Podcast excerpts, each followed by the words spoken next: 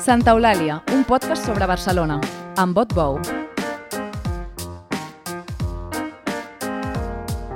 Ernest Maragall ha estat conseller, diputat, regidor i ara és candidat d'Esquerra Republicana a l'Ajuntament de Barcelona.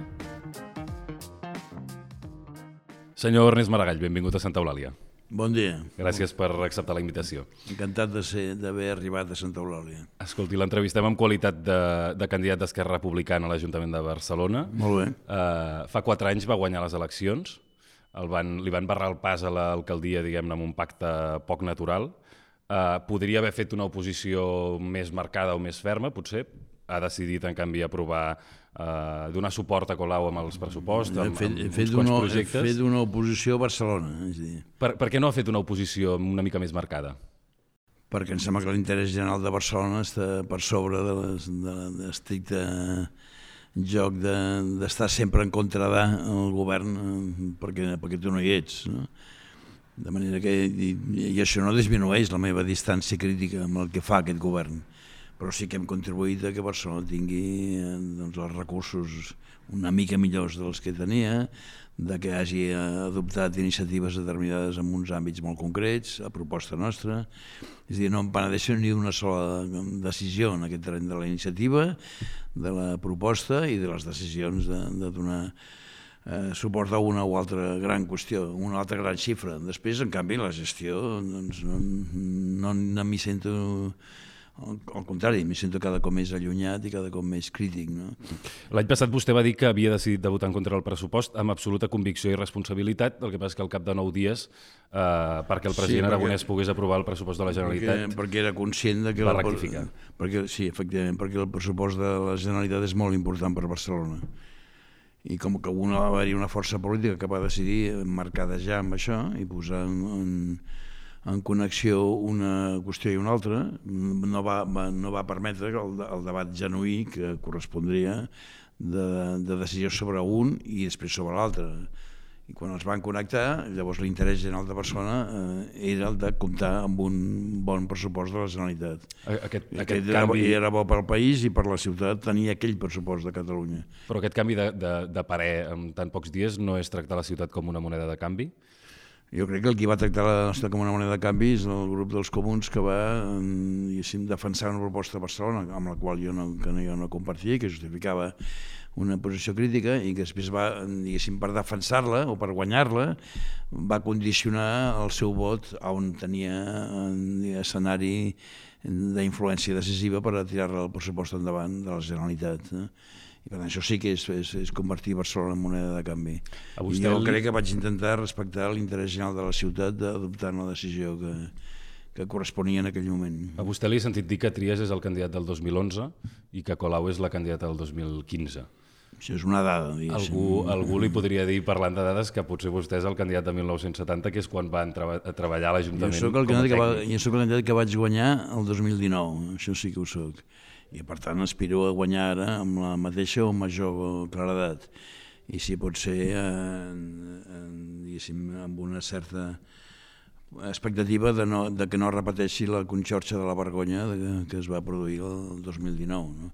Una cosa és que jo tingui experiència, que la tinc, i crec que puc dir que també coneixement, i el que crec el que s'ha de mesurar és si eh, l'experiència del 2019 fins ara m'afegeix o, o no, que és evident que sí, no només coneixement i, i contacte amb la ciutat, sinó projecte eh, i visió del que avui la universitat demana i això estic molt més convençut ara del que estava fa quatre anys de tenir-lo, de tenir-lo amb, amb tots els ets. Li dic perquè hi és vostè que, com ara diu, té molta experiència, ha tornat el senyor Trias, ha tornat, per exemple, el senyor Cirera, que també feia molts anys que estava apartat de la primera línia política.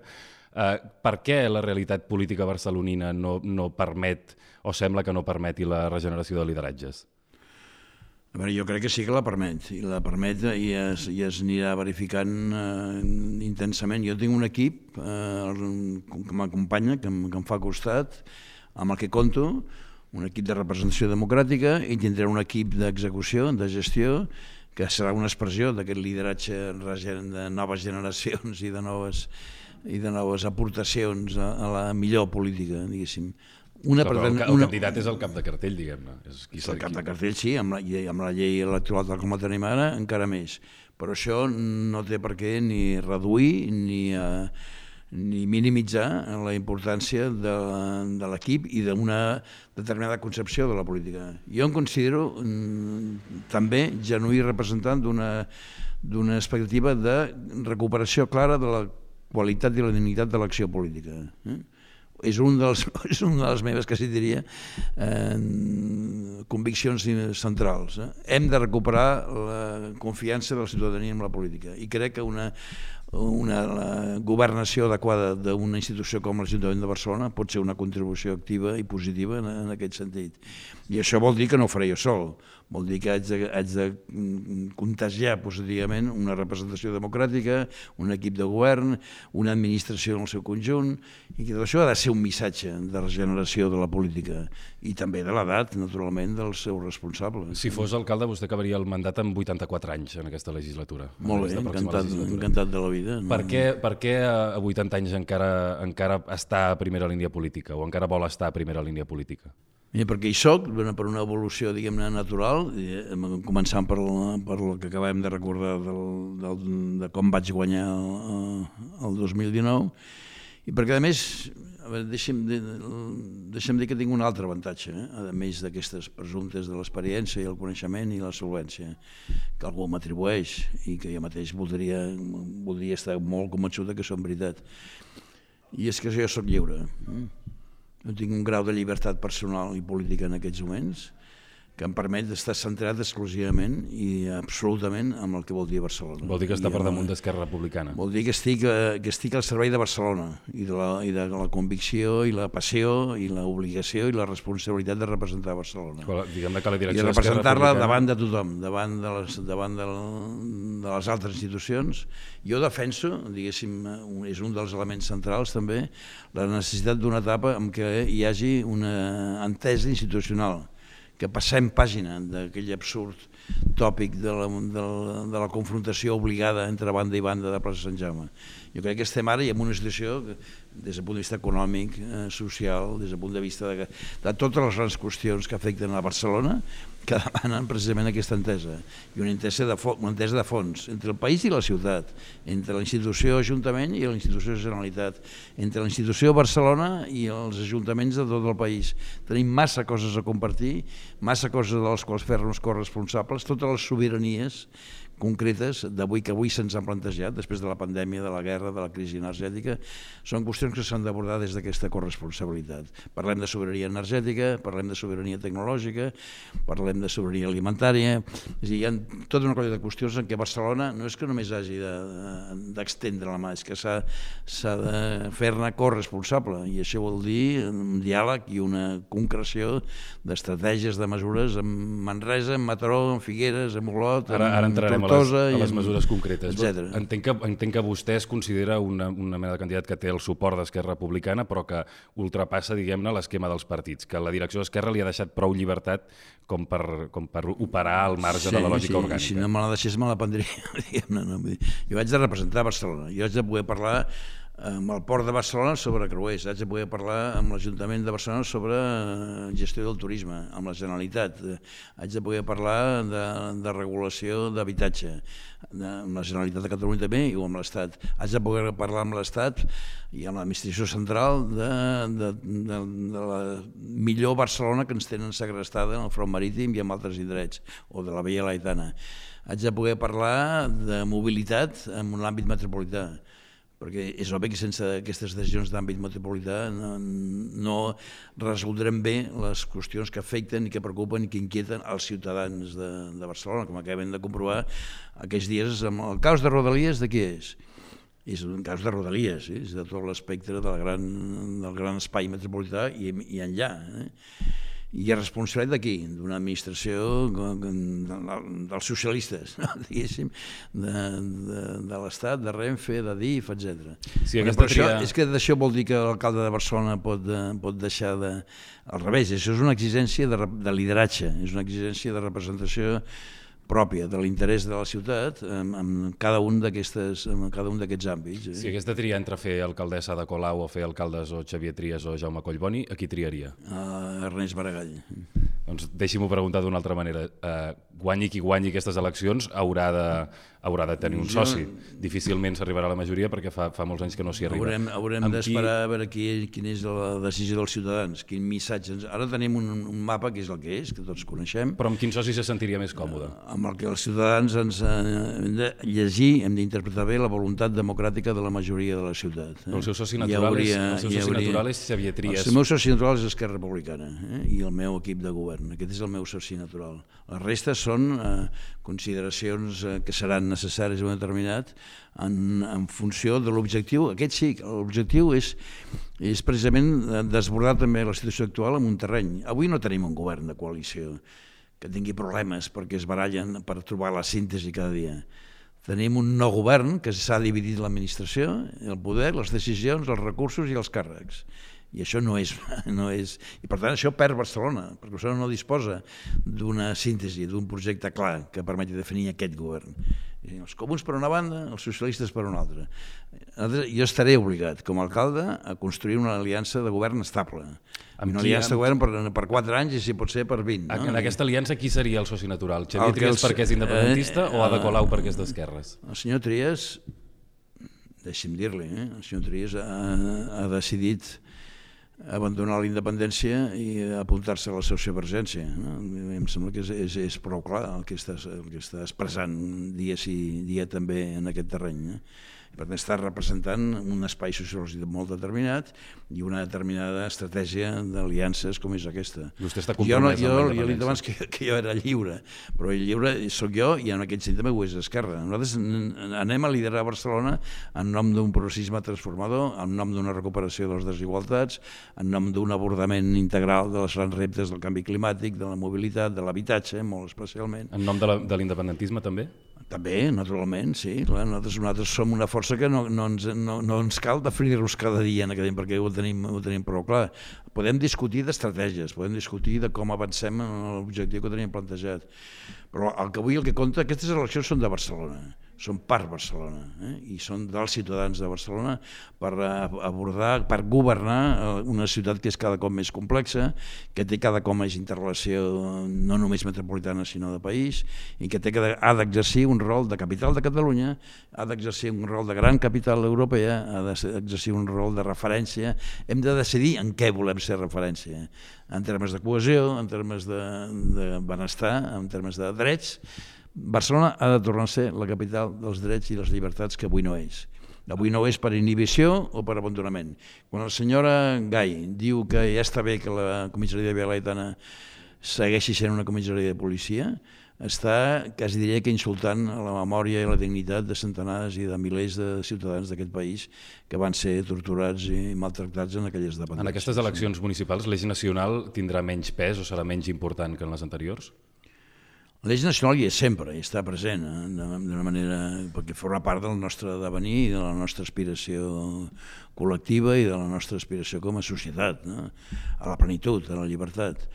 Però a mi em sembla que està molt clar que el primer pla, i per això en, és evident que aquí, en aquests moments tenim un, un cert apassionament eh, col·lectiu i de la, de la ciutadania per unes eleccions que són sobre la governació de la ciutat i que està inquieta per la seguretat, per la neteja, per la mobilitat, per l'habitatge, eh, pels drets socials, etc. I, ens sembla que és, que és d'això del que la ciutat, la ciutadania té passió per decidir, per decidir en aquests moments.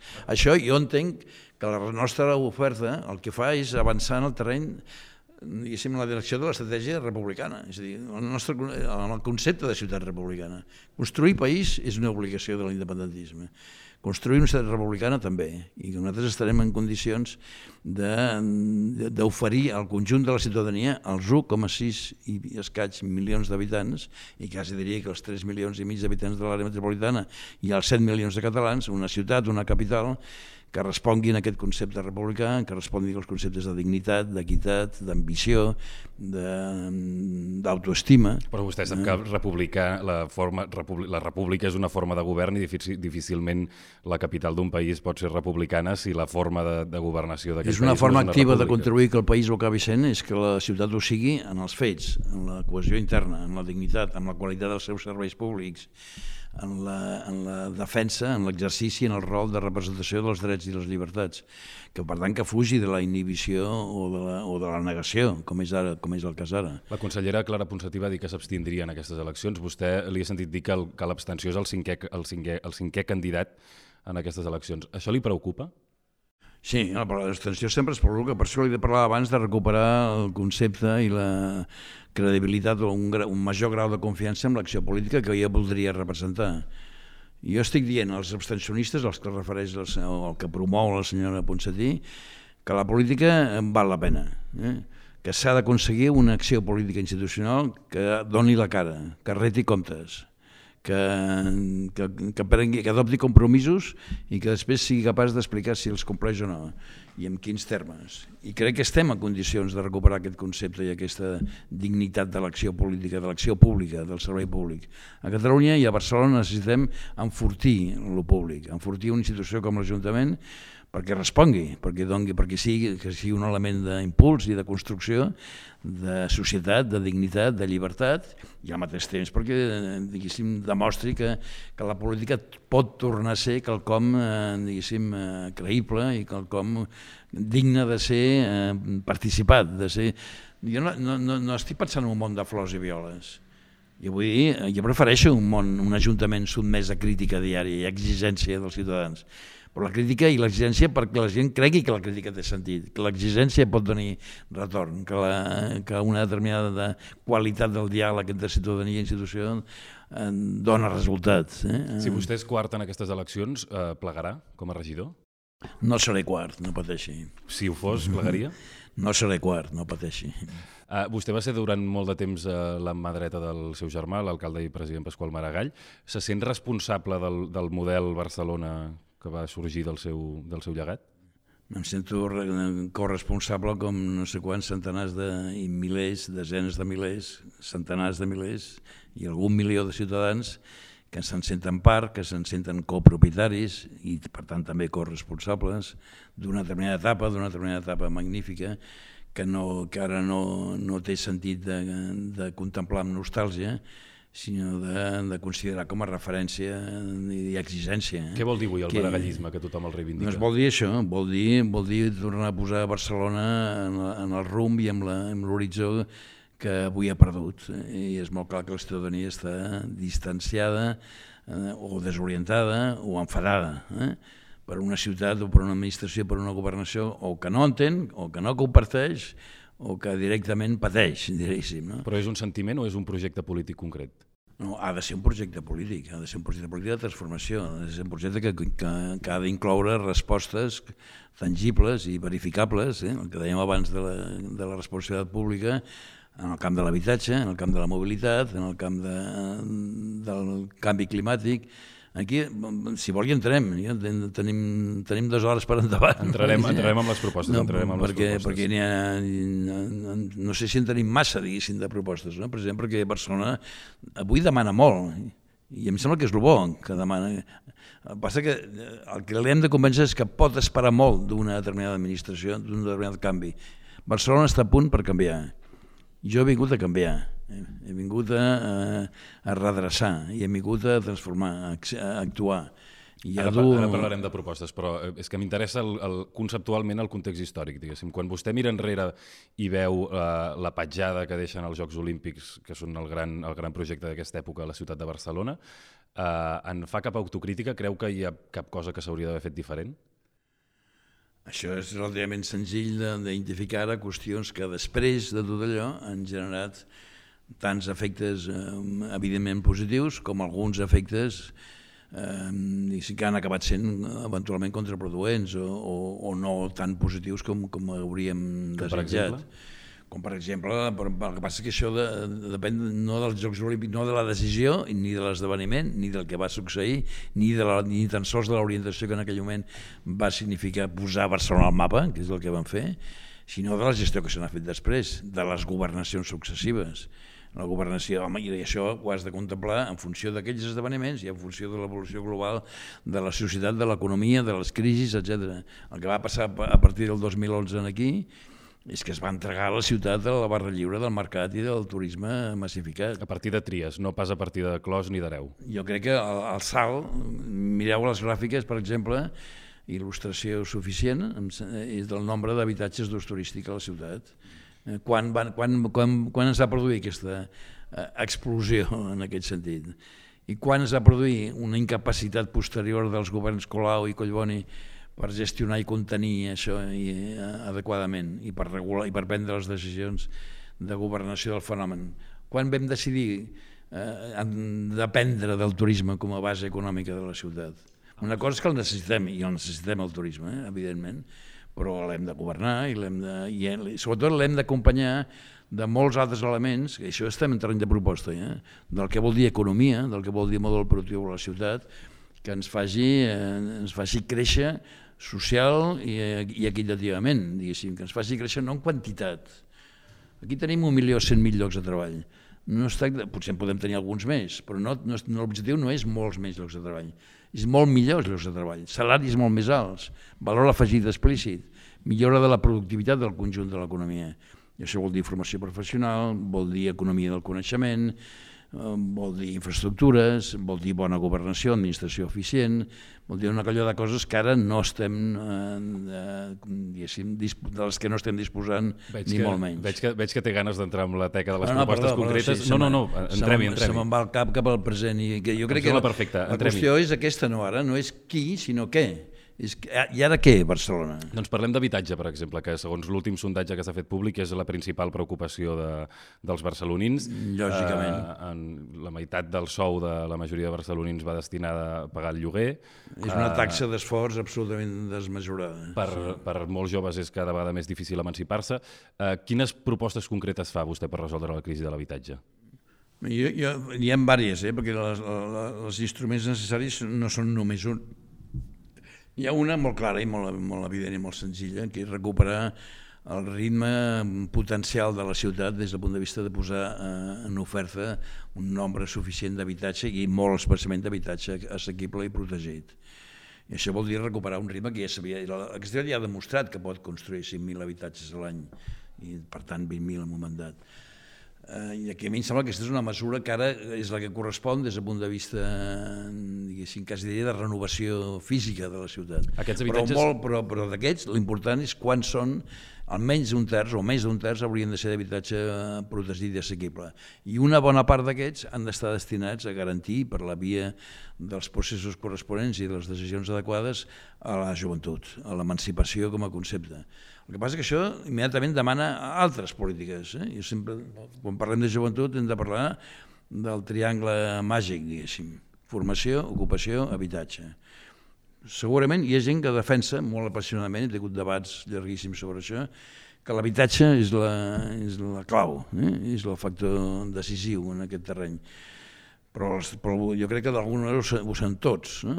La preparació, avui hi ha una taxa d'abandonament escolar especialment els estudis de formació professional de grau mig, que és insuportable, que és inacceptable. I això també està en l'origen d'una determinada dificultat d'emancipació, de, de llibertat personal. Hem de tornar als joves la llibertat de decidir on, com i de què volen viure. Per centrar-nos en la qüestió de l'habitatge, aquests habitatges que diu que s'haurien de construir, que es podrien construir, on s'haurien de construir i qui els hauria de construir?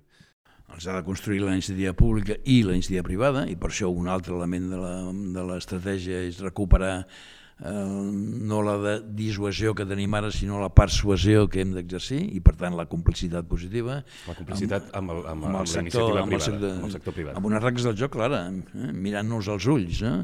I negociant tot el que s'hagi de negociar. Però el que no pot ser és estar en una situació en què aprovem regles que després són, són de nul·la aplicació perquè el que aconsegueixen és paralitzar.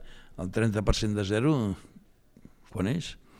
Però són pisos que hauria, són pisos que Llavors, hauria per tant, de construir... això vol dir que hem d'actuar amb sol nou, amb sol disponible, que està, que, que mirem el plano si vol, Sí, quin- quin sol disponible particularment al, diguem, al nord de la ciutat i també a l'altra banda, a, la marina, a les marines, eh? Però no només, aquí hi ha, hi ha, aquí hi ha potencial de, de nou habitatge també al 22 arroba, també amb sol consolidat normal de determinats barris, hi ha gestió urbanística a fer per definir nova edificabilitat en, en molts indrets, tenim planos i propostes fets en aquests dies, els anirem fent i els anem desplegant en aquests dies. I podrem obrir debats inclús amb això. Eh? Però jo repeteixo que aquí, eh, a més d'això, hi ha una qüestió que és tan o més important que el nou habitatge, que és la rehabilitació d'un estoc edificatori que ara és un, un cert, eh, no desastre, però sí una, Sí, una, hi ha, una, hi ha una, un defecte des del punt de vista d'eficiència energètica. Sí, però són I qüestions, això al són qüestions temps- diferents. Són qüestions diferents, sí, però no tan diferents, eh? perquè hi ha una qüestió de dignitat i d'eficiència i d'estalvi energètic, eh? que també també rebaixaria el percentatge d'esforç que ara han de dedicar els ciutadans que abans dèiem. Clar, si, quan estem parlant de taxa d'esforç estem parlant de lloguer o d'hipoteca i estem parlant dels consums, de, de gas, de llum, etc. I per tant, aquí també s'ha d'actuar socialment i amb criteris de, de, de ciutat intel·ligent i de ciutat equitativa. Aquí un dels I, eh, problemes que hem tingut és que el, el, molts habitatges eh, públics no s'han fet públics per tota la vida i, el, i a diferència de moltes ciutats europees això ens ha anat fent perdre habitatge públic. Ara sí. és al voltant de un, u- entre 1,5 i un 2%. Exacte, sí, Vostè estaria a favor que tot aquest nou habitatge que, que diu que s'ha de construir fos d'habitatge públic per tota la vida? Tot, eh, jo crec que ha de ser eh, una part molt important d'habitatge assequible i protegit. Hi ha moltes modalitats diferents i molts terrenys d'acord amb la iniciativa privada per aconseguir eh, aquest resultat. Eh, L'habitatge públic ha de ser habitatge públic, sí, per, de, per tota la vida. Jo crec que aquesta és una decisió que aquest país, aquest estat va prendre fa una colla d'anys que va significar perdre un patrimoni d'habitatge públic molt significatiu. Col·laboració amb la iniciativa privada vol dir regalar-lo sol? No, vol dir acordar regles del joc per invertir i per eh, obtenir un resultat equilibrat en termes de, de, de, de, d'inversió legítima i en temes de retorn social mesurat per, l'habitatge protegit i assequible. La norma del 30% eh, reservat per l'habitatge públic tal com s'està aplicant ara li sembla bé? És el que li deia abans, li pregunto, el 30% de zero quan és? Bé, però, és a dir, el, li ha dit... vol, vol, dir que, vol dir que hi ha dues coses que no estan bé. La pròpia norma, que l'haurem de, Ja entenc, la- ja. l'haurem d'això, i que hi ha sobretot la gestió de la norma. Eh, Per això li demano, I, per i la el, gestió carà- de i la el norma. caràcter de la relació que aquest govern ha establert, amb el, no només amb aquest sector, amb molts altres sectors, amb el tercer sector de serveis socials, amb els comerciants en molt bona mesura, amb el sector immobiliari d'una manera molt evident, eh, amb els hotelers, amb- amb- hi ha molts sectors amb els quals la distància eh, que s'ha generat innecessàriament ha acabat conduint a efectes contraproduents amb l'interès general, molt especialment en el terreny de l'habitatge. Vol dir que la normativa del 30% ha desincentivat la construcció. Tal com s'ha aplicat, tal com s'ha gestionat. No, no l'ha paralitzat.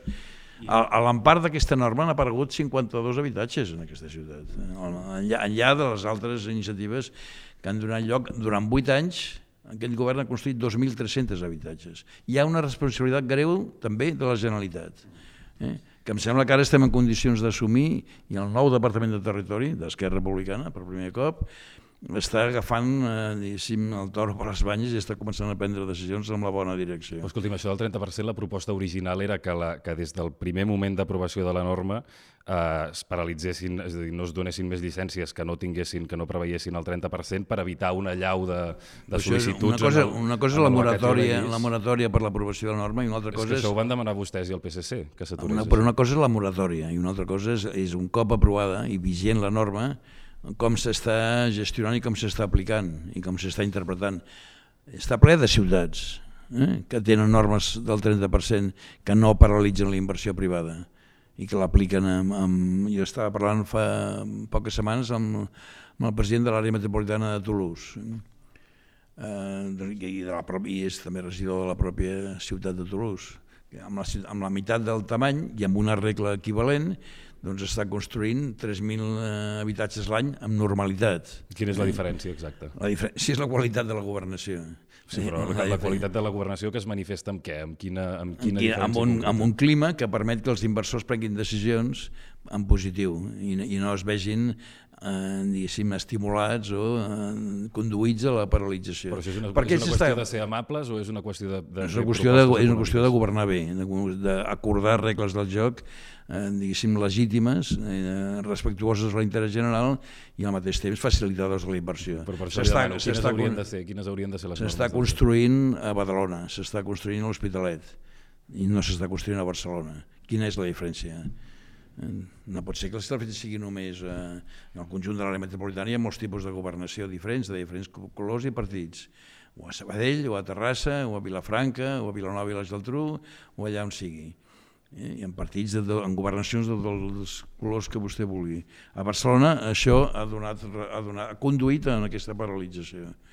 I per tant és evident que hi ha, una, hi ha una qüestió que és de redacció de la norma i una qüestió que és de gestió de la norma en dues. Parlem de mobilitat, que és un altre dels grans eixos diguem-ne d'aquesta campanya. El, escolti, el regidor del seu partit, Miquel Puig, va dir eh, és una idea interessant, que, que, que la Barcelona dels 15 minuts li semblava una collonada, amb perdó pel llenguatge. A vostè li sembla? Vostè entén la reflexió? Llibertat d'expressió sempre, no faltaria més. Però conceptualment entén la... Jo crec que conceptualment el que hem d'anar és a un model de mobilitat que, és, que, que deixi de ser autorreferenciat del que passa estrictament en l'àmbit dels 15 minuts, sinó perquè quan parlem de mobilitat hem de parlar de la relació de, entre Barcelona ciutat i el conjunt de l'espai econòmic, social i institucional amb el que tenim una relació intensa, contínua i diària. Cada dia entren i surten d'aquesta ciutat més de 500.000 persones eh, i la, la immensa majoria de les qüestions de mobilitat tenen que veure amb la intensitat puntual, amb, amb les hores puntes d'aquest fenomen d'entrada i sortida. És un fenomen que necessitem, que volem. A Barcelona hi ha 1.100.000 llocs de treball. Només la meitat estan coberts per ciutadans que resideixen a Barcelona. Això té a veure amb unes determinades decisions també de canvi de residència que s'han produït en els últims 25 anys. Sí, menys de mig milió de persones han canviat de residència, no viuen al terme municipal de Barcelona però viuen en un o altre indret del país, en general, la majoria, que inclou una decisió de, de compartir aquesta residència amb una ubicació professional i laboral a la ciutat. Estem obligats a, fer, a, fer, a facilitar-ho. Ara el que estem fent és posar-hi obstacles amb això. Si vostè fos alcalde, què canviaria exactament de la política de, de mobilitat amb la super, en, en relació amb les superilles canviaria moltes, per una, per una banda, les qüestions més de fons que s'han d'abordar des del punt de vista de lideratge, com dèiem abans, de l'Ajuntament de Barcelona en els temes i en les grans decisions d'infraestructures ferroviàries i per tant de la deguda dotació d'equipaments i de serveis en aquest sentit. Però de l'altra banda, i, baixant cap a Barcelona, eh, en, lideraria una política metropolitana avui inexistent, per exemple, per contemplar tots els fenòmens associats a, la, a aquesta mobilitat propera i a les possibilitats que donaria de ser, per exemple, una mesura eh, una doble mesura d'aparcaments eh, allà on toca i autobusos interurbans degudament electrificats. Esclar. Aparcaments allà on toca vol dir a l'entrada de Barcelona. Eh, connectats amb les estacions, eh, a prop o lluny de Barcelona, no, no, no, no, no és només un tema... I al propi Barcelona, si vostè vol connectats, el problema és la intermodalitat, la possibilitat d'accedir al transport públic i utilitzar-lo amb tota la seva dimensió i això és un fenomen que, o una possibilitat diguéssim que tenim oberta, degudament acordada, no, això no pot ser una imposició unilateral de Barcelona. Ara, fem els aparcaments, no, no, hem de parlar amb els ajuntaments, amb tots ells, i hem de parlar també amb la Generalitat en el terreny de gestionar millor l'operació de transports que està al nostre abast no tenim encara el domini complet de Renfe, Rodalies i Adif, com, per és, això, vostè creu que hi ha prou, obvi, que hi ha prou marge competencial, amb, per exemple, sí, amb aquest sí, tema, perquè sí, la Generalitat sí. i els ajuntaments... Per millorar, per millorar molt significativament, sí. Per exemple, no, aquí com, com funciona el cotxe compartit a la nostra ciutat? Com funciona? No existeix, és una altra paralització, és un altre efecte, semblant al que dèiem abans en el terreny de l'habitatge. Hem aconseguit que no n'hi hagi. Eh? Com funciona eh, tota l'electrificació global de la ciutat des del punt de vista de, de carregadors, d'aparcaments preparats per això, d'estímul a la, la creixement de la, de la planta de, de vehicles elèctrics, etc. o com funciona eh, tota la xarxa d'autobusos interurbans que podria estar funcionant de connexió radial i transversal, sobretot, en tot aquest àmbit, quasi diria, de regió metropolitana, com a mínim. Vostè estaria d'acord per, I per tant, hi ha, hi ha molt a fer. Mentre no tenim, no acabem de tenir la xarxa que hem de tenir de, de rodalies, de ferrocarrils de la Generalitat, etc podem fer moltes coses de millora en aquest terreny. També dintre de la ciutat, amb completar i millorar tot el que és la, la gestió de l'espai públic calçada amb, des del punt de vista de qui l'usa. I per tant nosaltres defensem un criteri que té, que té mesura i que té aplicació concreta. Ara estem al 60% pels vehicles, 40% pels vianants. Eh, el meu compromís és passar, és invertir la proporció. 40% pels vehicles, 60% pels vianants. I això té il·lustració pràctica amb determinades eh, aplicacions, no necessàriament de gran inversió, eh?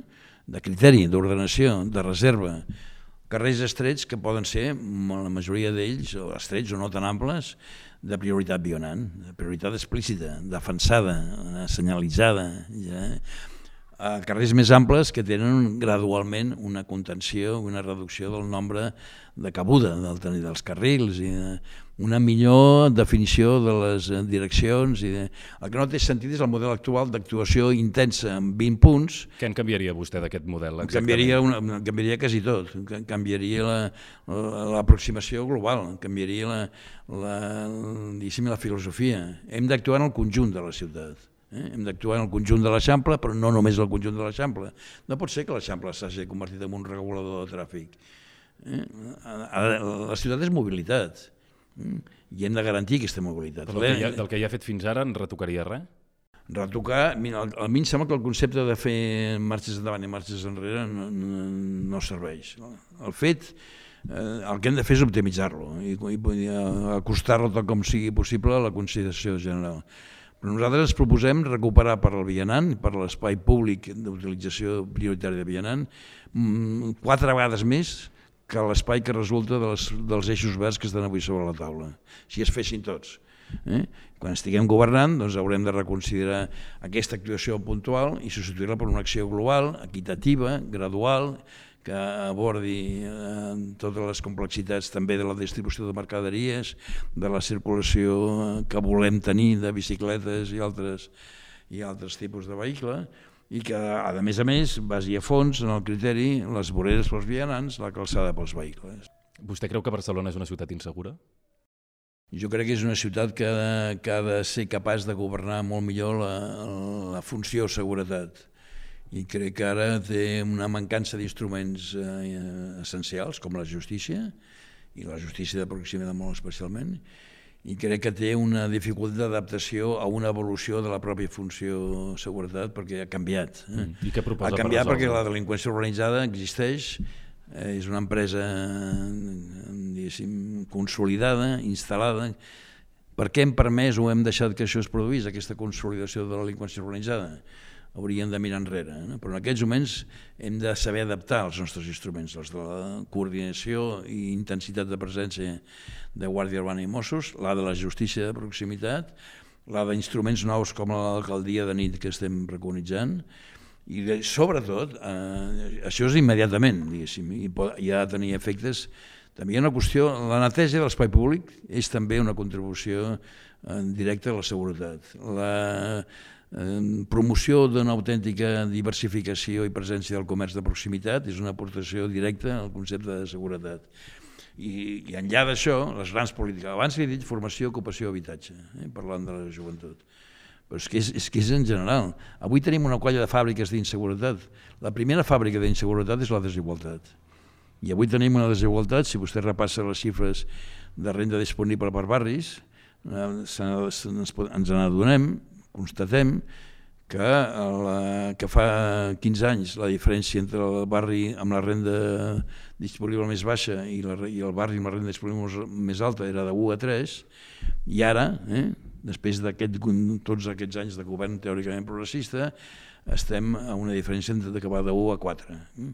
I això, per tant, està fragmentant la ciutat i està generant massa ciutadania que, està, que ha de lluitar no per viure, sinó per sobreviure si sumem els efectes d'una llei d'estrangeria i d'una sociologia i d'una intensitat dels fenòmens de, de manca de regularització i de drets reconeguts d'accés a la formació, a l'ocupació i a l'habitatge, doncs ens trobem també amb una explicació de per què la funció de seguretat és més complexa en aquest moment. En termes de neteja, vostè proposa una brigada 100%, que és amb 100 dies a treballar amb 100 llocs claus això és, de la ciutat. Això és el primer pla de xoc. Això, això li anava a preguntar. Com, com canviar... es garanteix la continuïtat d'aquesta operació? Es garanteix també un bon govern, amb control efectiu de la, del funcionament de, la, de les contactes de neteja, Tenim la, la partida pressupostària més important és la contracta de neteja i manteniment d'espai públic, de recollida, de recollida de residus, etc. Doncs tot això vol dir que ha de tenir, no és simplement un contracte, i per tant que, que facin el que puguin. Eh?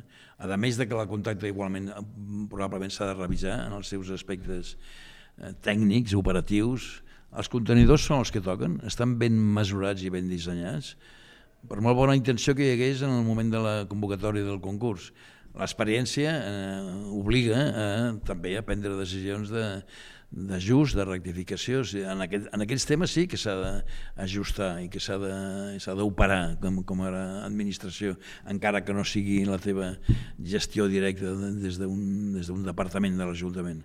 Però sí hi ha un departament de l'Ajuntament responsable de que la ciutat estigui neta. L'any passat eh, Barcelona va rebre 7.376.000 turistes. Per vostè és una xifra alta, són pocs o són molts?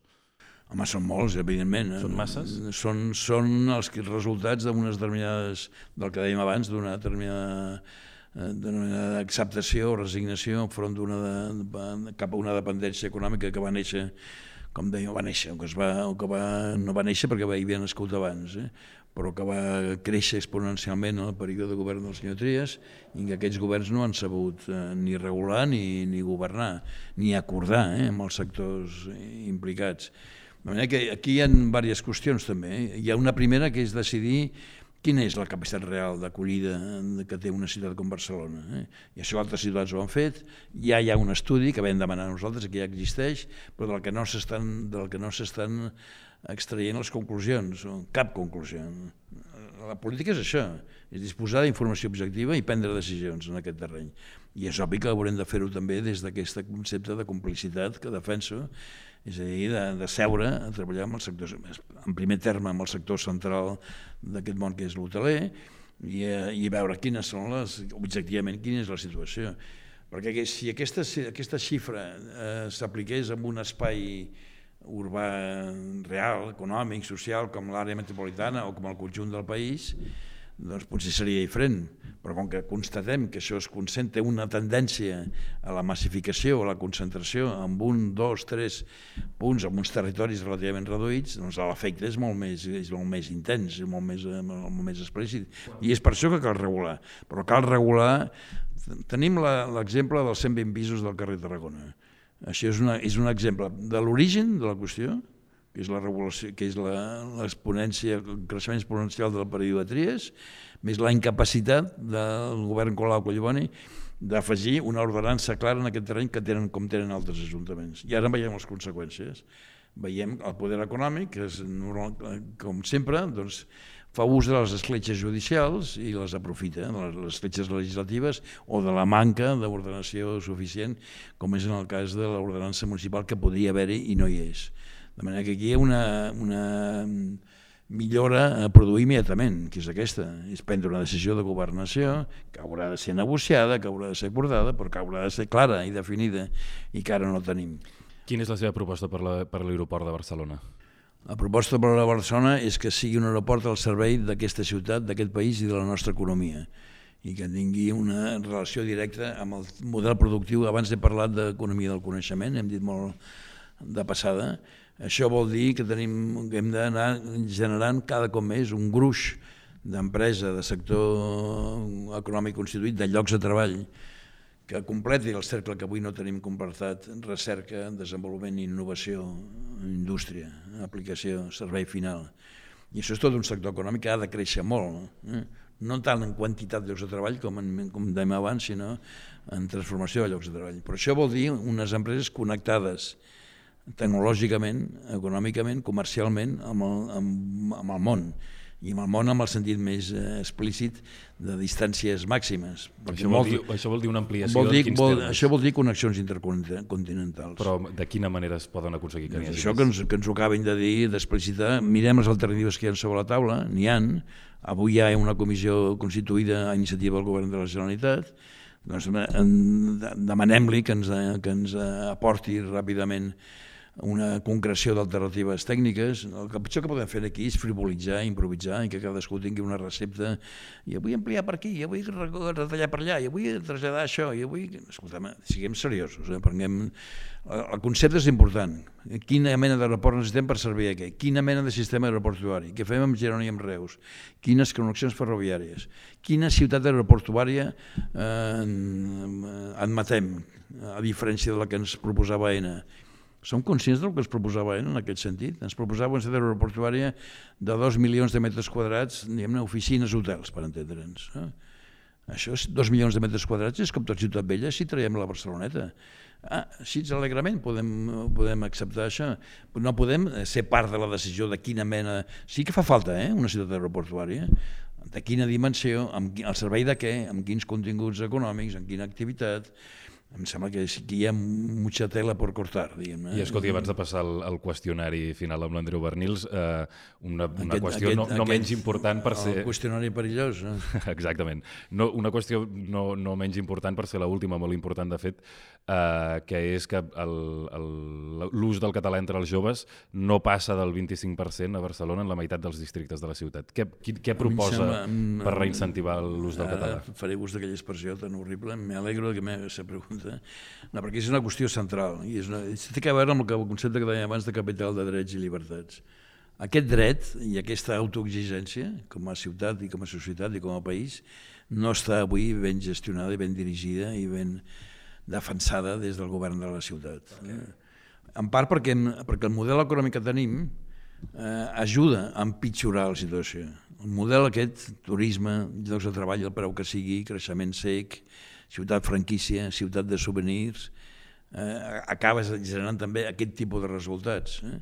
I per tant fa falta un, múscul molt potent de reacció. Nosaltres tenim en el programa propostes concretes en, aquest terreny i tenim jo crec que una, una eina que no estem utilitzant, que, que va enllà de la estricta qüestió lingüística, però que és, que és una eina de ciutadania, que ha d'incloure molt explícitament la qüestió lingüística i l'ús del català que és com utilitzem tot el patrimoni públic eh, d'educació, cultura eh, que tenim a la ciutat. Nosaltres tenim 350 escoles públiques, museus, biblioteques, centres cívics, tot això està tancat. Però segur que té alguna proposta concreta per Aquesta, posar això al servei d'un programa d'activitats coordinat amb el govern de la Generalitat també, amb els departaments de cultura, d'educació, d'empresa i treball, perquè tot això tingui una... i amb les entitats corresponents... Però un programa eh, d'activitats de quina mena? doncs, culturals, lingüístiques, esportives, tot el que genera ciutadania. Que l'ús del català pot ser un comú denominador d'això. Eh? Perquè el problema no és només classes de català, eh? oi que no, oi que no és aquesta la qüestió només. Aquesta també, eh? però hi ha masses col·lectius en aquesta ciutat que, que no necessiten el català, o que creuen que no el necessiten. Eh? Per tant, no, no és un problema de dependència de la necessitat, és un problema d'identificació, de, diguéssim, de, de considerar que el català és part de la identitat de tothom, de cada un dels ciutadans de Barcelona. I això es aconsegueix eh, reconeixent drets de ciutadania, apoderant-los, amb, eh, amb incorporació real als drets de ciutadania. Quants... A veure, jo vull veure metges de tots els orígens eh, al servei públic català parlant català. I avui mestres i mestresses i professors d'universitat de tots els orígens eh, a les escoles, instituts i universitats. Però això té, parlant en català. Per exemple, té una solució molt clara que és la introducció del requisit de, del CEU de català per tota aquesta gent. Ahí està, amb una, amb una norma... No, però ja li dic per posar-li un exemple de mesura... Jo, jo crec que la qüestió no, no és de, estrictament de norma, sinó que és d'impuls i de responsabilitat, d'iniciativa i de lideratge polític institucional. I per tant de crear els escenaris i de, i de posar sobre els instruments perquè si exigim això i no fem res més que, ah, com que ja tenim l'exigència, ja n'hi ha prou, no, no, hi fan falta polítiques concretes, eh, de promoció, d'estímul i d'acreditació.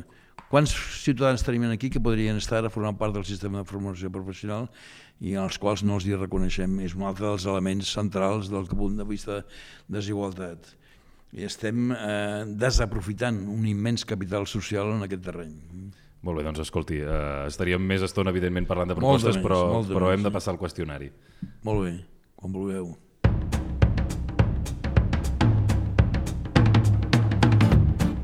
El qüestionari Proust, amb Andreu Bernils.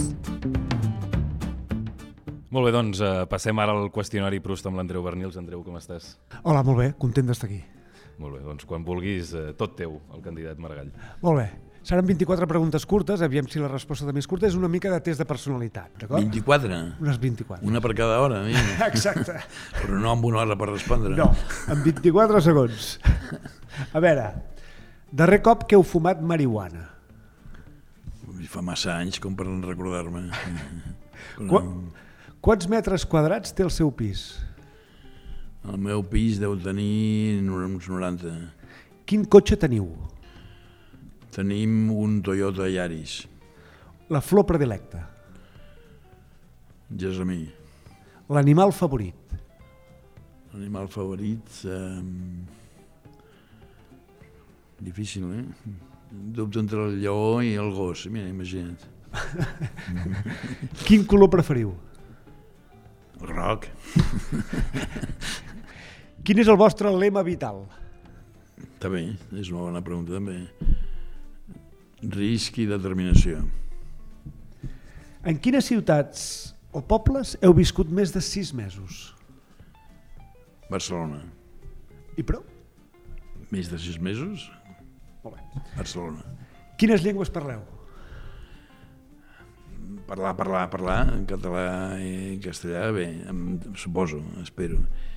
Uh, anglès, francès, italià, una mica. Italià una mica és una qüestió més de barra, però bueno, també. Quin és el vostre estat d'ànim més habitual? Um, serenitat. Els noms de persona que prefereixen noi... l'altre dia deia que m'estava fent, fent budista. Ja lliga. Els noms de persona que prefereixen noi i en noia. Amb li haig de dir els noms de les meves filles, Maria i Clara, i amb noi Jordi, que és el nom del meu pare, un germà, Quin és i, el, de, i de molta més gent. el vostre personatge o heroi de ficció preferit? Heroi de ficció preferit. Com es deia aquell... eh, No, estic pensant en dibuixos animats de fa, de fa molts anys. Mm. Em costa, eh, de trobar-ne un que, que sigui que sigui prou no sé, diguem Superman escolti'm, ja, posats a fer ja. Un episodi de la vostra vida que us hagi marcat especialment. un episodi de la nostra vida probablement la mort dels meus pares successiva Successiva. o successiva Sí, sí, relativament a prop sí. molt bé. va ser un canvi vital Quins dons encara naturals... que hauria de dir en canvi el naixement de les meves filles Mm, en el sentit exactament contrari Quins dons naturals us agradaria tenir? intel·ligència Quina seria la vostra pitjor desgràcia? pitjor desgràcia mm, trair-me trair-me a mi mateix Quin personatge, històric valoreu més? personatge històric Home, jo, gent com el Ramon Llull o, el Leonardo da Vinci, per entendre's, no? Aqu- aquestes figures en què és la intel·ligència elevada al no sé quin cub, Molt bé. mm, que són que milloren l'espècie humana, per entendre'ns. Com us agradaria morir? A casa i tranquil. Com celebreu el Nadal? suposo com tothom, a casa amb la família, he estat molts anys celebrant-ho amb molta família, després progressivament els, els fets biològics s'imposen i acaben canviant, i, però bé,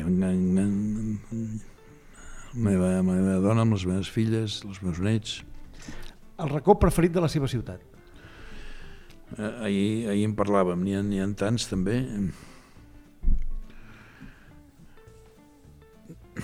La plaça Molina. El racó que menys us agrada. El racó que menys ens ag- m'agrada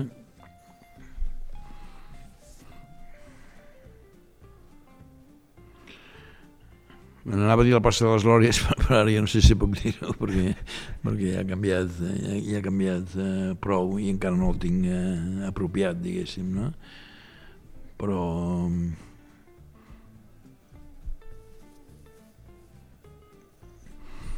Deixem-ho aquí. Alg- Algun dels punts eh, en, en els límits de la ciutat. Eh? L'altre dia estàvem al límit de Barcelona i l'Hospitalet. Eh? Okay. I en límits que no ens, no ens hauríem de permetre com a realitat eh, urbana i social. A quin barri naixeu i a quin barri viviu? He viscut, eh, he nascut a Sant Gervasi. He viscut a les Corts, a l'Eixample i a Sant Gervasi. Quin dels rivals és el pitjor candidat? El pitjor candidat